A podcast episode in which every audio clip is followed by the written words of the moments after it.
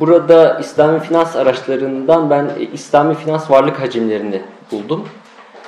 2007 yılından 2015 yılına kadar ve bunlar üzerinden bir değerlendirme yapmam gerekiyordu. Ancak vaktim sıkıştığı için bunları ülkelerin gayri safi milli, milli gelirleri üzerinden ben yapmak zorunda kaldım.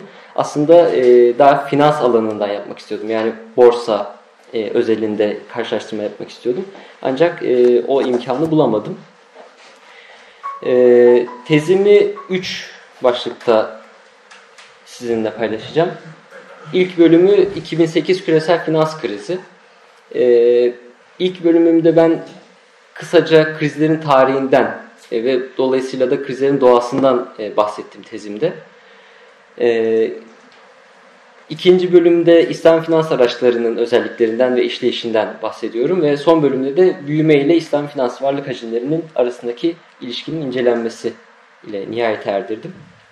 Şimdi konumuza yavaş yavaş başlayacak olursak e, dünya tarihi boyunca e, krizler, e, ekonomik krizler daha doğru ifadesiyle e, sanal ekonomi ile yani fiktif ekonomi ile gerçek reel ekonominin arasındaki farkın açılması sonucunda ortaya çıkıyor. Ee, biz ekonomik krizleri krizlerin ilk izlerini 1600'lü yıllarda görmeye başlıyoruz. Ee, tabii o dönemde e, uluslararası ticaret çok gelişmiş olmadığı için e, krizler ülke içi ekonomilerde çıkıyor, ülke ekonomilerinde çıkıyor. Ee, ve krize muhatap olan konu e, ve, e, nesneler yani elle tutulabilir nesneler. Mesela lale soğanı e, veyahut metal paralar üzerinden krizler ortaya çıkıyor. E, yıllar içerisinde e, özellikle şu grafikten göreceğiniz üzere 1860'lardan itibaren oluşan finansal balonlar e, ulusal ekonomilerin haricinde bölgelere de zamanla yayılmaya başlıyorlar. E, finansal balonların tabi reel ekonomiyle fiktif ekonominin arasındaki uçurumun fazlalaşmasıyla ortaya çıktığını söyledik. Ancak e, burada insanların tercihi de aslında bu e, ortaya çıkan krizin çok ciddi anlamda etkisini oluşturuyor. Yani e, insanlar e, bir nesneye yahut bugünkü ifadeyle aslında nesne diyemeyeceğimiz çeşitli değerlere e, bir değer biçiyorlar. Çeşitli e, araçlara değer biçiyorlar ve bu biçtikleri değer üzerinden işlem gerçekleştiriyorlar. E, dolayısıyla krizlerin e, gittikçe nesnelerden bağımsızlaşarak yani elle tutulur nesnelerden bağımsızlaşarak e, sanallaşması krizlerin aynı zamanda bölgesel hale gelmesini de kolaylaştırır. Yani bölgesellikten kastım örneğin Endonezya'da bir kriz ortaya çıkıyor ama bu Arjantin'i de etkiliyor. Veyahut son 2008 krizinde gördüğümüz üzere Amerika'da başlayan reel kriz e, finans sektörüne e, sıçrıyor. Özür diliyorum. Finans sektöründe başlayan kriz reel sektöre sıçrıyor. Oradan bankalar üzerinden Avrupa'ya ve bütün dünya ekonomilerini etkileyecek şekilde büyüyor. E, burada gördüğünüz üzere sayıları burada çıkan e, yani krizlerin sayıları aslında burada mevcut. Yani e, sonlara yaklaştıkça krizlerin sayısı da ciddi anlamda artıyor. E, ekonomik kriz nedir diye soracak olursak aslında e, bir hocamız şöyle açıklamıştı. Yani şimdi bu odanın bir kapısı var. Hepimiz bu kapıdan aynı anda çıkmaya çalışırsak bu kriz demektir. Yani herkesin teker teker çıkması icap eder. Ancak herkesin bir anda çıkmaya çalışması demek bir krize yol açar. Aynı şekilde ekonomik krizlerde de e, şişen değerlerin e, bir vakit sonra karşılık bulamıyor olması e, krizlerin ortaya çıkmasına sebep oluyor. Yani e, ben bu suya 10 lira veriyorum, atıyorum. E, 10 lira verdiğim bu su belli bir zaman sonra daha da değerlenmeye başlıyor. Çünkü birçok insan buna e, ta, talep oluyor, talep gösteriyor. Gösterilen talep üzerinden oluşturulan değer aslında daha da büyük bir değerin oluşmasına sebep oluyor. Ve bu ard arda tekrar edildiği zaman ve tabi özellikle finansal piyasalarda ortaya çıkan bir, bir durum e, türev araçları ile yani e, satılmış olan araçların tekrardan satılması meselesi ve onların tekrardan satılması ve bu sürecin birkaç defa tekrarlanabilmesi e, krizin derinliğini arttıran etkilerden bir tanesi. Ben Kindleberger'dan bir örnek e, alıntı yapmak istiyorum. Bire aldığını emek sarf etmeden, alın teri dökmeden, sıkıntı çekmeden 3'e, 5'e, 10'a satmanın cazibesi sağduyuyu köreltir. İnsanın en temel dürtülerinden biri zenginlik ve iktidar tutkusu, kumar oynamanın ve risk almanın sağladığı adrenalinle derhal birleşir diyor Kindleberger.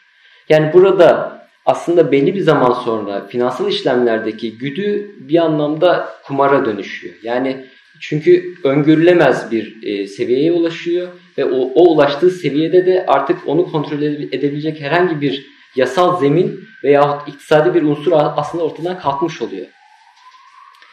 Ee, yine krizler üzerinden gidecek olursak e, 1929 büyük buhranı zamanında Fed'in e, bilançosunu görebiliriz bu grafikte. E, Fed'in bilançosu demek yani e, bastığı dolar miktarı demek bir anlamda. E, 1929'dan itibaren 1940'lara kadar ciddi anlamda bir yükseliş gözüküyor. Ve o yükselişe benzer bir e, hareketi 2008'e tekabül eden vakitte görüyoruz aynı zamanda. E, 2008 krizine kadar gelen süreçte bahsettiğim gibi yani krizlerin ortaya çıkışı e, na sebep olan şeyleri birazdan geleceğim. E, ancak 2008 krizi özelinde ben e, bazı şeylerden bahsetmek istiyorum. E, 2008 krizinde 2008 krizine yol açan en büyük etkilerden bir tanesi likidite bolluğuydu. Yani 2000'li yıllardan itibaren Amerikan Merkez Bankası'nın e, genişletici maliye politikaları, uyguladığı genişletici maliye politikaları ve beraberinde faiz indirimini gerçekleştirmesi e, piyasaları çok rahat hareket etmeye sevk etti. Aynı zamanda bollaşan para parayı kullanmak gerekiyor ve bunu kullanmak için de kredi vermek gerekiyor. Dolayısıyla e, Amerika'da e, ninja diye tabir edilen bir kesim var. Yani düşük e, yani parası olmayan, e, geliri çok az e, ve riski çok yüksek olan bir gruba çok kolay bir şekilde e, kredi çıkartmaya başlanıldı. E, aslında 2008 krizinin e, ortaya çıkmasının sebep olan şey buydu. Yani 2008 krizi aslında 2008'den önce başlayan bir sürece bağlı olarak şekilleniyor. E, dolayısıyla 2008 ile birlikte e, aslında biz 15 Eylül diye hatırlıyorum e, Lehman Brothers'ın iflasını açıklamasıyla krizin ortaya çıktığını bize duyurdular. Ee, yine bir alıntı ile bunu biraz daha açmak istiyorum. Ee, Bernanke'nin, ben Bernanke'nin FED Başkanı 2007 yılında e, 2007'nin baharı sonunda bir ifadesi var. E, subprime yani eşik altı piyasalarda e, endişe verecek yani diğer piyasalara yayıl, yayılmasını düşünme, düşündüğü bir e, yayılmanın olmayacağını düşünüyor. E, yani 2007 yılında. 2007 baharı sonunda bundan yaklaşık bir sene sonra kriz ciddi anlamda etkisini göstermeye başlamıştı. E, ben Amerika'da e, bir vakit bulunmuştum. Orada bir hocayla e, röportaj yapmak imkanı bulmuştum. E, hoca iktisat dekanıydı bölümünde, üniversitede o dönemde de yani 2008 krizi döneminde de Fed'de çalışmış bir insan. E, o dönemi sorduğumda yani hani hocam hani ne gördünüz, ne yaşadınız, nasıl bir tecrübeydi? Bana şunu ifade etti. Bir sene boyunca ağzımız açık dolaştık dedi. Yani şimdi e, iktisadi olarak e, her bütün ekonomilerin aslında e, onlara baktığı yani hani ne yapmamız gerekiyor diye sorduklarında cevap veren tek merci olarak olan bir kurumun bir sene boyunca krizin neden çıktığını anlamaya çalışması aslında bize bazı şeyleri gösteriyor. Yani e, gerçek anlamda krizin çıkacağını Fed beklemiyordu. Yani bu sistemin bu kadar büyük bir krize yol açacağını hatta küreselleşebileceğini belki de. E, dolayısıyla krizler krizleri şekillendiren bir unsur da burada karşımıza son kredi mercileri olarak çıkıyor. Yani insanlar e, belli yatırımları gerçekleştiriyorlar. Bu yatırımlar çerçevesinde finansal işlemler ortaya çıkıyor ve finansal işlemler hacimleri arttıktan sonra yani kontrol edilemez boyuta ulaştıktan sonra e, iş son kredi mercilerine yani merkez bankalarına yahut IMF gibi fonlara aktarılıyor. Bu, bu tip kurumların e, krizlerin ardında bulunduğu e, yani krizlerin e, ortaya çıkartacağı sonuçları telafi edeceği inancı veyahut bilgisi insanları aslında daha da e, kolay bir şekilde krize yol açabilecek e, tavırlar sergilemesine e, vesile oluyor bir anlamda. E, ve e, şöyle bir şey söz konusu, e, son kredi mercileri yani IMF gibi, FED gibi merkez bankaları e, kriz yani çok ciddi artık e, önlenemeyecek seviyeye gelmediği müddetçe bunu kabullenmiyorlar. Çünkü bunu kabullenmeleri demek bir anlamda e, sahip oldukları sistemin zaaf gösterdiğini bir anlamda açık etmek demek. Dolayısıyla e, Lehman Brothers'ın iflasına kadar kriz bir anlamda e, sümen altı ediliyor Amerika'da özellikle. E, ancak Lehman Brothers'ın iflasından sonra e, hiçbir şeyi gizlemenin artık bir anlamı kalmıyor e, ve bütün zarar e, bir şekilde telafi edilmeye çalışılıyor.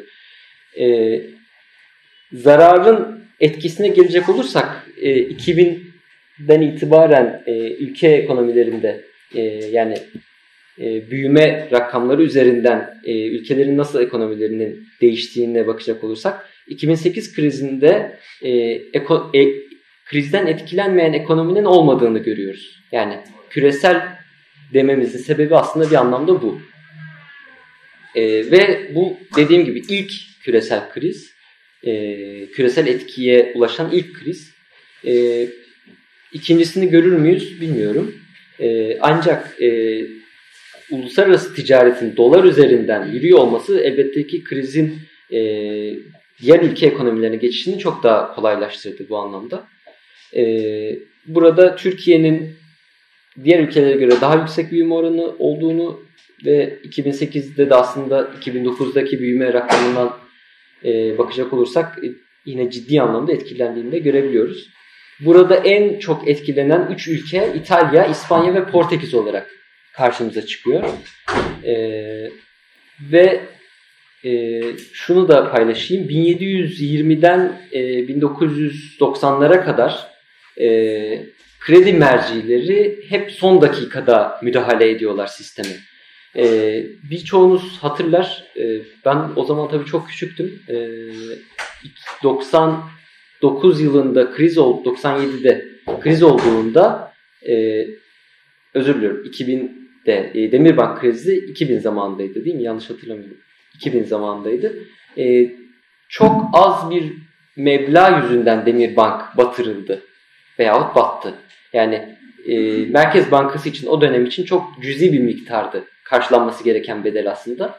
Ama IMF e, bunu buna müsaade etmedi ve Demirbank'ın batmasına göz yumuldu. Ancak 2008'e gelindiğinde e, Fed'in tam tersi bir hareketle çok ciddi anlamda finansal olarak e, likidite e, sağladığını ekonomiye ve e, hiçbir şekilde e, krizi genişletecek özellikle ulusal yani kendi ekonomisi içerisinde e, daha da büyümesine yol açabilecek bütün şeyleri engellediğini görüyoruz. E, yanlış hatırlamıyorsam 700 e, milyar dolara yakın bir e, yardım yapılıyor. Ekim 2008 itibariyle e, Amerika'daki finansal kurumların uğradığı zarar 8 trilyon dolar. Yani sadece Amerika'dan bahsediyorum. Şimdi ekonomik kriz hani nedir? Ee, yani bizim bizi niye bu ilgilendiriyor? Niçin biz buna bu kadar dikkat etmemiz gerekiyor? E, veya kendimizi nasıl koruyabiliriz? Sorusunu sorabilmemiz için bu zararın nasıl karşılandığına bakmak gerekiyor. Yani bu zararı kim ödüyor? Yani 8 trilyon doları Amerikan Merkez Bankası evet parayı basarak ödüyor. Ama bu basılan değerin bedelini kim ödüyor? Şöyle ki yalnızca finans kuruluşları değil burada bu zararı karşılayan aynı zamanda e, halk da vergilendirilerek bu zarara ortak ediliyor. Yani burada çok ilginç bir şey söz konusu. Yani e, toplumda bir kesim var. Finansal gücü elinde bulunduruyor. E, ve bu elinde bulundurduğu finansal güç ile birlikte daha büyük güçlere kavuşuyor. Ve ardından e, bu gücün yol açtığı kriz etkiyi bunlar karşılamıyor. Yani buradaki adaletsizlik yalnızca Amerika ile tabii e, söz konusu değil. Bunu Amerika'da çıkan krizin bedelini dolarla irtibat kurduğumuz için biz de ödüyoruz aynı zamanda. Yani doların değeri değiştiğinde biz de fakirleşiyoruz yahut zenginleşiyoruz. Çünkü onunla entegre edilen bir uluslararası ticaret sistemi var.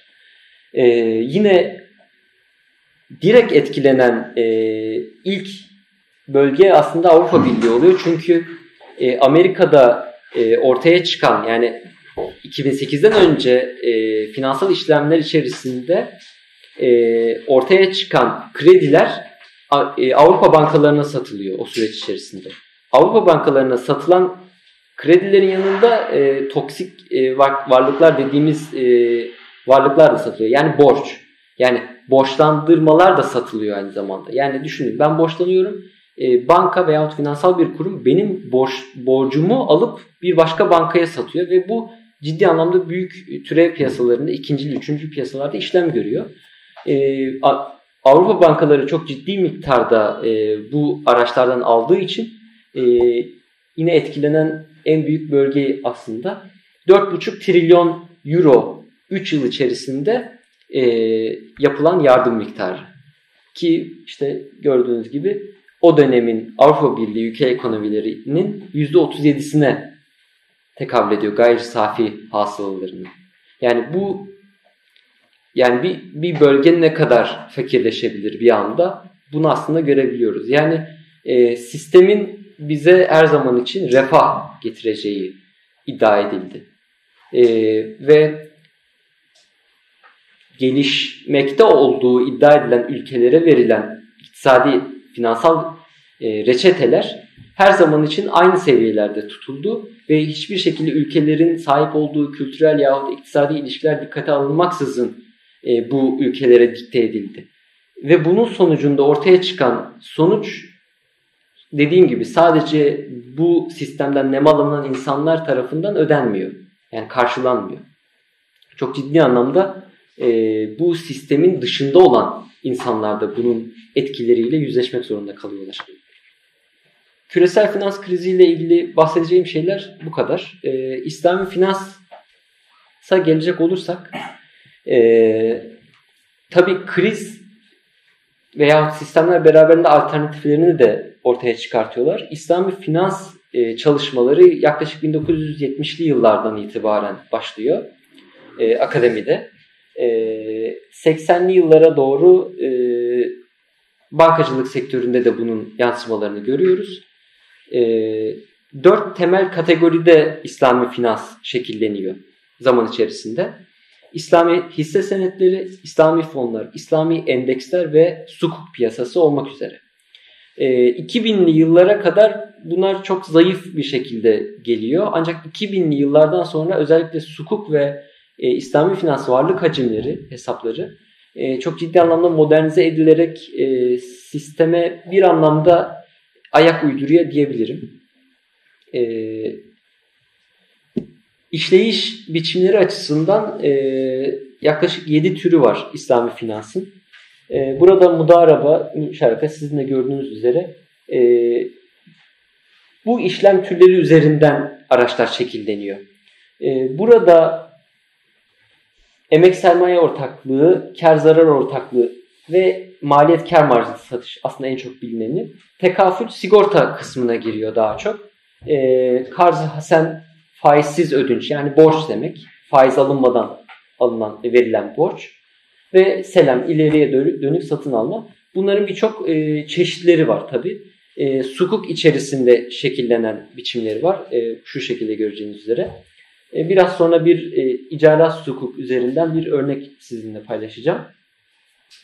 E, İslami finans araçlarının e, niçin bu sisteme alternatif olduğunu bahsetmem, e, anlatmam gerekirse e, İslam finans araçlarının mantığı reel ekonomi üzerine yani aslında varlık üzerine bina ediliyor olması ve aynı zamanda e, şeriat yani şeriat kuralları bağlamında e, denetlene, denetlenmeye açık olması.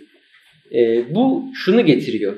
Şu iki e, sonucu beraberinde getiriyor.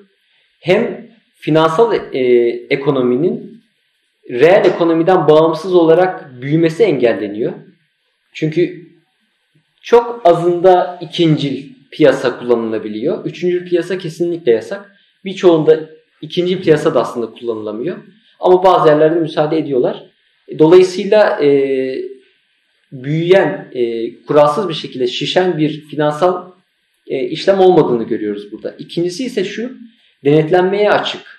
Yani siz e, şeriat kuralları haricinde bir iş yapamazsınız. Öz, mesela bu benim çok ilgi, e, yani ilgimi çekmişti.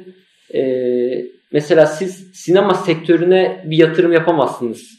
E, alacağınız finans, İslami finansman ile. Eğlence sektörüne yatırım yapamazsınız. Yani e, veyahut işte içki satan bir e, işletme açamazsınız oradan alacağınız finansman ile. Yani buna müsaade etmiyorlar. Eğer ki siz bunu kullandığınızı danışma kurulları fark ederse bunu kesiyorlar, engelliyorlar. Veyahut en başta bunu e, buna müsaade etmiyorlar. Bu şekilde bir e, denetlenebilir bir mekanizması var e, sistemin.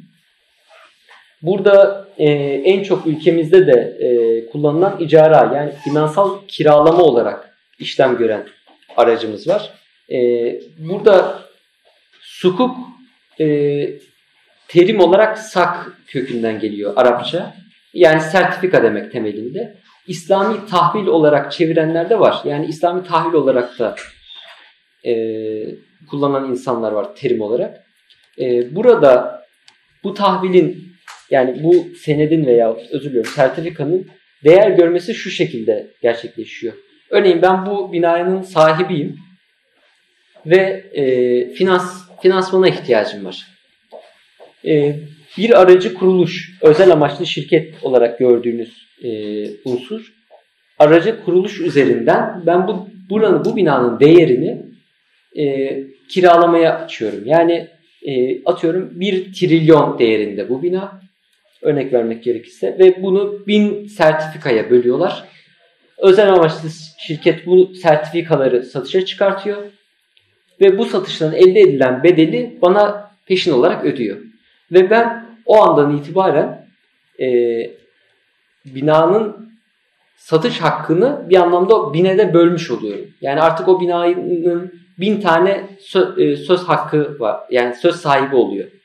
E, kazandığım finansman ile ben işimi görüyorum. Aynı zamanda da aylık olarak ödediğim kira sistemiyle de ben e, o karşı, e, aldığım finansmanın karşılığını zaman içerisinde ödüyorum. Ve e, ben kira bedelimi işte belirlenen vade içerisinde tamamladığım zaman e, sertifikalar geri alınıyor ve tekrardan mülkün sahibi ben oluyorum. Bu şekilde işlem gören bir süreç esasında bu. E, dediğim gibi varlık temelli olması e, reel ekonomiyi aynı zamanda da besleyen bir unsur olarak karşımıza çıkıyor. E, ve e, yani hiç şüphesiz finansal kesim ile reel kesim arasında bir e, aralık olacak. Yani bir fark olacak ancak bunun reel ekonomiyle çok yakın bir temasının olması e, hem reel ekonomiyi hem de finansal ekonomiyi güçlendiren bir unsur olarak karşımıza çıkıyor. E, burada e, İslami finans deniliyor. İslam hukukuna uygun finans deniliyor. Yani şeria complaint dedikleri. Faizsiz finans deniliyor. Yahut alternatif finans gibi tabirler kullanılabiliyor. E, 70'ten itibaren başla, başlayan e, çalışmalar neticesinde bankalarda kurulmaya başlanıyor. Malezya açıkçası burada en öncü ülkelerden bir tanesi. E, ve Dubai İslam Bankası 75'te sizin de gördüğünüz üzere. E, bankalar ve e, kuruluşlar e, birbirlerini besliyorlar bu süreçte. Diğer slaytta göstereceğim üzere burada kurumlar, kuruluşlar ve konseyler e, bankalarla çok ciddi anlamda işbirliği içerisinde ve zaman içerisinde ortaya çıkan eksiklikler ve ihtiyaca binaen aslında bu kuruluşlarda şekilleniyor ve güçleniyor aynı zamanda. Yani örneğin e, Körfez İşbirliği Konseyi gerçi e, birkaç ülkenin bir araya gelerek kurduğu bir e, kuruluş. E, ancak muhasebe ve denetleme kurulu bankaların ve bu finansal işlemler üzerinden e, işlem gören e, kurumların e, denetlemesini gerçekleştiriyor. Veya e, Finansal Hizmetler Kurulu çeşitli danışmanlık hizmetleri veriyor bu e, kuruluşların e, mesela çıkamadığı mesela çok ilginç e, olaylar olabiliyor. Mesela işte ben binamı satacağım ama işte eğlence sektöründe kullanmak e, kullanmak istiyorum edindiğim sukuk finansmanı ile. Yani işte onun e, ayrıntısına giriyorlar ve çeşitli fetvalar bu süreçte ihtiyaca binaen e, ya çıkıyor yahut çıkmıyor. E, rakamlara gelecek olursak e, 2001'den itibaren küresel düzlemde sukuk ihracı e, aslında ilk başta oldukça e, küçük bir rakamla başlıyor. Ancak 2013'e e, kadar 2015 e, rakamlarını ben tezim sırasında bulamamıştım. Hatta 2014 rakamlarını da bulamamıştım. 2013'e kadar sukuk içerisinde e, yapılan ihraç e, seviyesi bu durumda. E, yani alternatif olarak bahsedilmesinin sebeplerinden bir tanesi de şu aslında. E, son 10 senede finans sektöründe bu kadar genişleyen başka bir sektör yok. Yani bu aynı zamanda da bizim çok dikkat etmemiz gereken hususlardan bir tanesi. Çünkü e, bizim söz hakkı sahibi olmamız gereken bir alan e, ve aslında şartlarını, imkanlarını bizim şekillendirmemiz gereken bir alan. E, ama Türkiye özelinde bakacak olursak rakamları da birazdan sonra e, biraz sonra geleceğim. Oldukça bir zayıf kalıyoruz. Yani son yıllarda bazı gelişmeler olmaya başlıyor. Yani bu e, bizim ayrıca bunu düşünmemiz gerekiyor diye düşünüyorum. E, sukuk ihraçlarının yine ülkelere göre dağılımına bakacak olursak yalnızca Müslüman yoğun ülkelerde değil, Müslüman az yoğun ülkelerde de e, sukuka ve İslam İslami finans araçlarına bir yönelim olduğunu görüyoruz. E, Amerika'da ve Çin'de oldukça düşük ancak Avrupa'da bu oran daha yüksek. Özellikle İngiltere ekol olarak da İslami finansı etkileyen e, bir köşe. E, yani Malezya, e, İngiltere ve Türkiye burada daha çok ön plana çıkıyor. E, aynı zamanda mesela Rusya'da geçen 6-7 ay önce bir İslami banka kuruldu. E, yani hem finans alanında hem bankacılık sektöründe ciddi anlamda yönelim gerçekleşiyor. Bunun sebebi aslında şu. E, yalnızca Müslüman insanlar kullanmıyorlar tabii bu araçları. Yani İslami olarak nitelendiriliyor olması yalnızca Müslümanların kullanımına tabi olduğu anlamına gelmiyor. E, ahlaki normlara sahip olan insanlar da e, yani sahip oldukları sermayeyi e, krizlere yol açmayacak şekilde kullanmak isteyebiliyorlar ve e, daha evet daha güvenilir ama daha az risk ve e, daha az risk dolayısıyla daha az kar getiriyor. E, Malezya gördüğünüz gibi burada %67 oranında yani yaklaşık 13 senenin e, hülasasına baktığımızda Malezya'nın çok büyük bir e, hacim tuttuğunu görüyoruz. İngiltere yalnız az gözüküyor mu? İngiltere sukuk özelinde az gözüküyor olabilir. Bankacılık, bankacılık sektöründe aslında daha büyük bir paya sahip İngiltere. Birazdan o rakamlara geleceğiz. Ee, Türkiye piyasasına bakacak olursak 2010'da SPK'nın e, bir e, talebiyle başlıyor sukuk ihracı. E, daha sonradan e, SPK'nın dedim ama Kuvvet Türkiye bağlı olarak açılmış bir e, ihraç. E, daha sonradan e, diğer bankaların da katılımıyla veya finans kuruluşların katılımıyla bu rakam e, artıyor.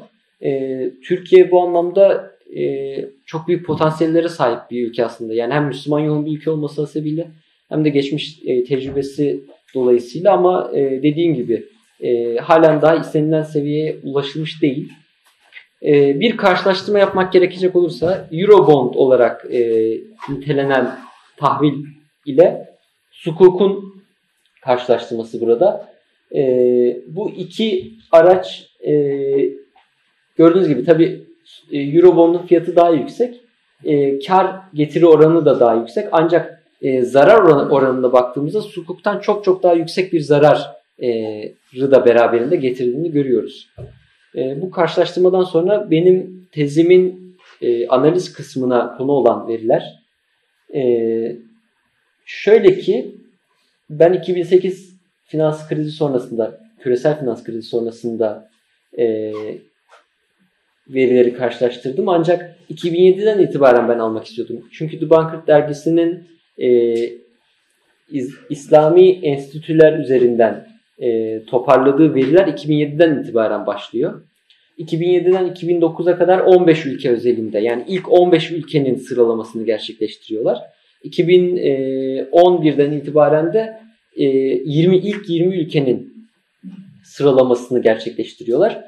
Çok titiz bir şekilde veriler toparlanıyor kurum tarafından. Yani yaklaşık 1900 sanıyorum 40'lardan itibaren e, dergi faaliyete geçiyor ve e, dünyanın ilk 500 bankasını veya ilk 1000 bankasını, ilk 50 bankasını sürekli sıralıyorlar ve e, çok ciddi, e, çok canlı bir veri akışı söz konusu. Dolayısıyla güvenilir bir kaynak. Aynı zamanda Financial Times'a bağlı bir kuruluş. Burada 2007 verilerine ulaştım ancak güvenilirliğinden emin olmadığım için kullanamadım.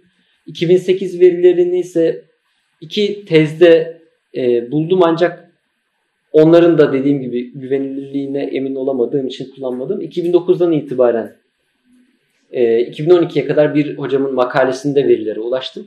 E, onları onun üzerinden çektim. Son 3 senenin de dergilerin e, içerisinden verileri düzenledim. E, burada İran'ın birinci ülke olması bilmiyorum beni çok şaşırtmıştı. Çünkü İran uluslararası e, ekonomide çok e, yer almayan bir ekonomi. E, ancak bankacılık sistemi bütünüyle İslami olduğu için sıralamada ilk sırayı alıyor. Suudi Arabistan ve Malezya bu süreçte çok ciddi anlamda birbirine yakın seyrediyorlar. Ancak Suudi Arabistan'ın son dönemde İran'a daha da yakınlaştığını görüyoruz. E, toplam rakamlara bakacak olursak 2013'ten itibaren bir düşüş e, görebilirsiniz. E, bu düşüşün sebebi bu düşüş 2015'te de devam ediyor. E, özür diliyorum. 2014'te bu rakam artıyor ancak 2015'te düşüyor. Bunun sebebi İran ulusal e, parasının e, dolar karşısında değer yitirmesi. E, İran çok büyük bir paya sahip olduğu için bu sıralamada e, parasının değer yitirmesi bir anlamda e, toplam hacmi de ciddi anlamda etkileyen bir unsura dönüşüyor. Burada e, yabancı ülkeler yani Müslüman az yoğunlu ülkelerden İngiltere'yi, İsviçre'yi e, ve Tayland'ı görebiliriz. Tayland dikkat ederseniz e, 2011'e kadar zaten verisi yok. 2011'den itibaren e, işlem görmeye başlıyor. E, bir diğer husus Türkiye'nin e, rakamsal olarak İngiltere ile neredeyse yani çok yakın seyretmesi. Şimdi burada diğer tabloyu gösteremiyorum ancak yani neredeyse İngiltere ile başa baş gidiyorlar. Yani aslında çok ironik bir durum. Yani Müslüman az yoğun bir ülkede İslami finans araçlarının Müslüman çok yoğun bir ülkeye ülkeyle neredeyse aynı seviyede kullanılıyor olması. Yani bizde çok çok daha fazla kullanılması gerekirken neredeyse eşit miktarda kullanılıyor. E, bu rakamlar bu şekilde ve e, son kısmına geçme, geçmeden önce bahsedeceğim bir şey yok. E, pardon. E, analiz kısmına gelecek olursam e, ben dediğim gibi başta e, GDP üzerinden bir karşılaştırma gerçekleştirdim. Panel veri analizi üzerinden e, yaptım çalışmamı. E, %98 oranında istatistiksel olarak anlamlı çıktı yaptığım model. E, ve 19 ülkenin e, verilerini kullanmak zorunda kaldım. Çünkü Suriye'nin son 5 sene de maalesef savaş sebebiyle e, GDP verileri yok. E, nihayetinde eriştiğim sonuç şu oldu. E, yüzde ülkelerin e, gayri safi milli hasılarındaki hasılalarındaki yüzde birlik bir değişim İslami finans varlık hacimlerinde yüzde 0,42'lik bir yükselişe yol açıyor. Yani e, ülkeler, ülke ekonomileri büyüdükçe İslami finansa yönelik talebinde ben arttığını böylelikle bulgulamış oldum. Ee, bu bu şekilde. E, son olarak İslami finans e, sektörünü değerlendirecek olursam e, ülkelerde e, tanıtımın oldukça yani İslami finans araçlarına yönelik tanıtımın oldukça az olduğunu e, ben görüyorum. Ve aynı zamanda finansal işlemlerle de bağlantılı olarak yasal düzenlemelerin çok zayıf kaldığını görüyoruz. Özellikle Türkiye'de. Yani e, mesela şunu paylaşayım. Türkiye'de de e, Türkiye Varlık Fonu kuruldu mesela.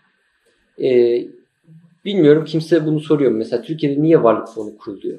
Yani Türkiye G20'ye üye olan ülkelerden bir tanesi ve varlık fonu olmayan tek ülkeydi.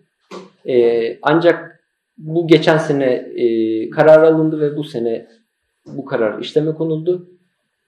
Ve artık bir e, Türkiye Varlık Fonumuz olacak ve sahip olduğumuz veya olduğunu düşündüğümüz bütün varlıklarımız bundan sonra satışa konu olabilecek. Mesela e,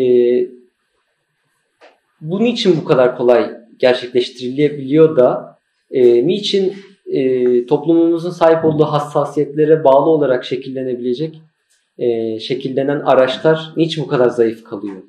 E, bunun aslında cevabını biz geçmişimize bakarak verebiliriz. Mustafa Özel bir röportajında bunun cevabını veriyor. Yaklaşık 35 e, sene evvelinde bu çalışmalara başladığımız zaman diyor Mustafa Özel, e, mur, murabaha ile müşarakanın kullanım oranı ülkemizde %90'a %10'du. Yani e, %10 yani insanlarımızın katılım bankacılığı dahilinde e, parasını yatıran insanlarımızın yalnızca %10'u zarara da ortak ol, olmayı istiyordu. Yani ben diyordu ki ben evet paramı yatırırım, insanlar paramı kullansın ama zarar ederlerse evet ben de bu zararı karşılayayım diyebilen %10 kesim vardı diyor. Zaman içerisinde bu oranın artmasını bekliyorduk diyor. Yani daha fazla insan bunu talep etsin, daha fazla insan zarara ortak olsun. Ancak e, tam tersine bu oran %1'e kadar düşüyor. Yani bugün e, finans, e, özür diliyorum, katılım bankacılığının oranı konvansiyonel bankacılık içerisinde %5, %6 oranında e, ve bunun yalnızca %1'i zarara ortak olmayı talep ediyor. Yani insanlarımız e, faizin olmadığı bir ülkede yaşamaktan ziyade e, sahip olduğu e, rakamsal varlığın e, zarar görmesini istemiyorlar. Yani ben bunu görüyorum baktığım zaman bu sonuca. E, bu üzücü bir durum. Yani e, biz mesela e, son iki ayda e, hepinizin bildiği gibi e, konut kredileri, kre, konut faizi konut kredi faizi düşürüldü değil mi? Mesela bunu herkes çok sevindirici bir olay olarak e, algıladı ama kimse şunu sormuyor. Niçin biz konut kredi faizi ni işleme tabi tutuyoruz bu ülkede? Yani e, bunu ne zaman soracağımızı bilmiyorum. E, maalesef bu çalışma da bunu sormaya vesile olacak bir çalışma olmadı. Bir analiz çalışmasıydı benim çalışmam. Ee, insanların e, bunu talep etmediği müddetçe e, aslında e, bir sistem, alternatif bir sistem inşa etmenin ben makul olmadığını düşünüyorum. E, talep ve istek bizden gelmesi gerektiğini düşünüyorum. Yani ben e, bugün e, kredi kartım olup da bu sunumu veriyorsam bu sunumun bence hiçbir anlamı yok. Yani ben kredi kartım olmadığı için bu çalışmayı yaptım. Bu sunumu bugün yapabiliyorum ki inandırıcılığı olsun. Sizde bir karşılık bulsun. E, bunun sebebi şu. E, son olarak şununla bitireceğim sunumu. Yani niçin reel ekonomiye, finansal ekonomi yaklaşmalı? E, niçin finansal ekonomi bu kadar zararlı bir şey? Niçin bu kadar e, insanın hayatını etkileyebilen? Yani çünkü burada bir hocamız şunu demişti bir dersinde. Yani evet burada rakamlar var, grafikler vesaire iyi güzel ama bunların arkasında insanların hayatı var. Yani insanlar bu sebeple intihar eden insanlar var. Bu sebeple ailesini kaybeden insanlar var. Yani benim bildiğim var mesela yani. Demek ki bu bize çok yakın işler. Yani bu bize hiç e, dokunmayacak işler değil. Dolayısıyla e, şuna dikkat etmek gerekiyor. 2007 yılı itibariyle küresel menkul kıymetler piyasasının büyüklüğü yani finansal hacmin büyüklüğü 149,1 trilyona ulaşmış. Yani 150 trilyon yaklaşık olarak. Yani bilmiyorum hani sizde neye tekabül ediyor? 150 trilyon dolar para. Ben de bir şeye tekabül etmiyor. Yani e, bizim iktisatçıların böyle bir sıkıntısı vardır. Yani çok büyük rakamlardan konuşur ancak hani e, hiçbir karşılığı yoktur maalesef. E, aynı dönemde gerçekleşen varlığa dayalı menkul kıymetler büyüklüğü ise 10 trilyon dolar. 10,7 trilyon dolar.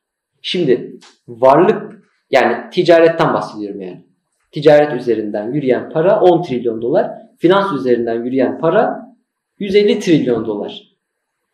E şimdi buradaki uçurum bunu hesap edebiliriz ama. Evet 150 trilyon dolar bizde bir şey tekabül etmiyor olabilir. Ama 140 trilyon doların farkı, 140 trilyon dolarlık bir farkın bizim hayatımızda nelere yol açtığını az çok görebiliyoruz. Krizler dolayısıyla. Sistem e, yapısı gereği krizler üreten bir sistem.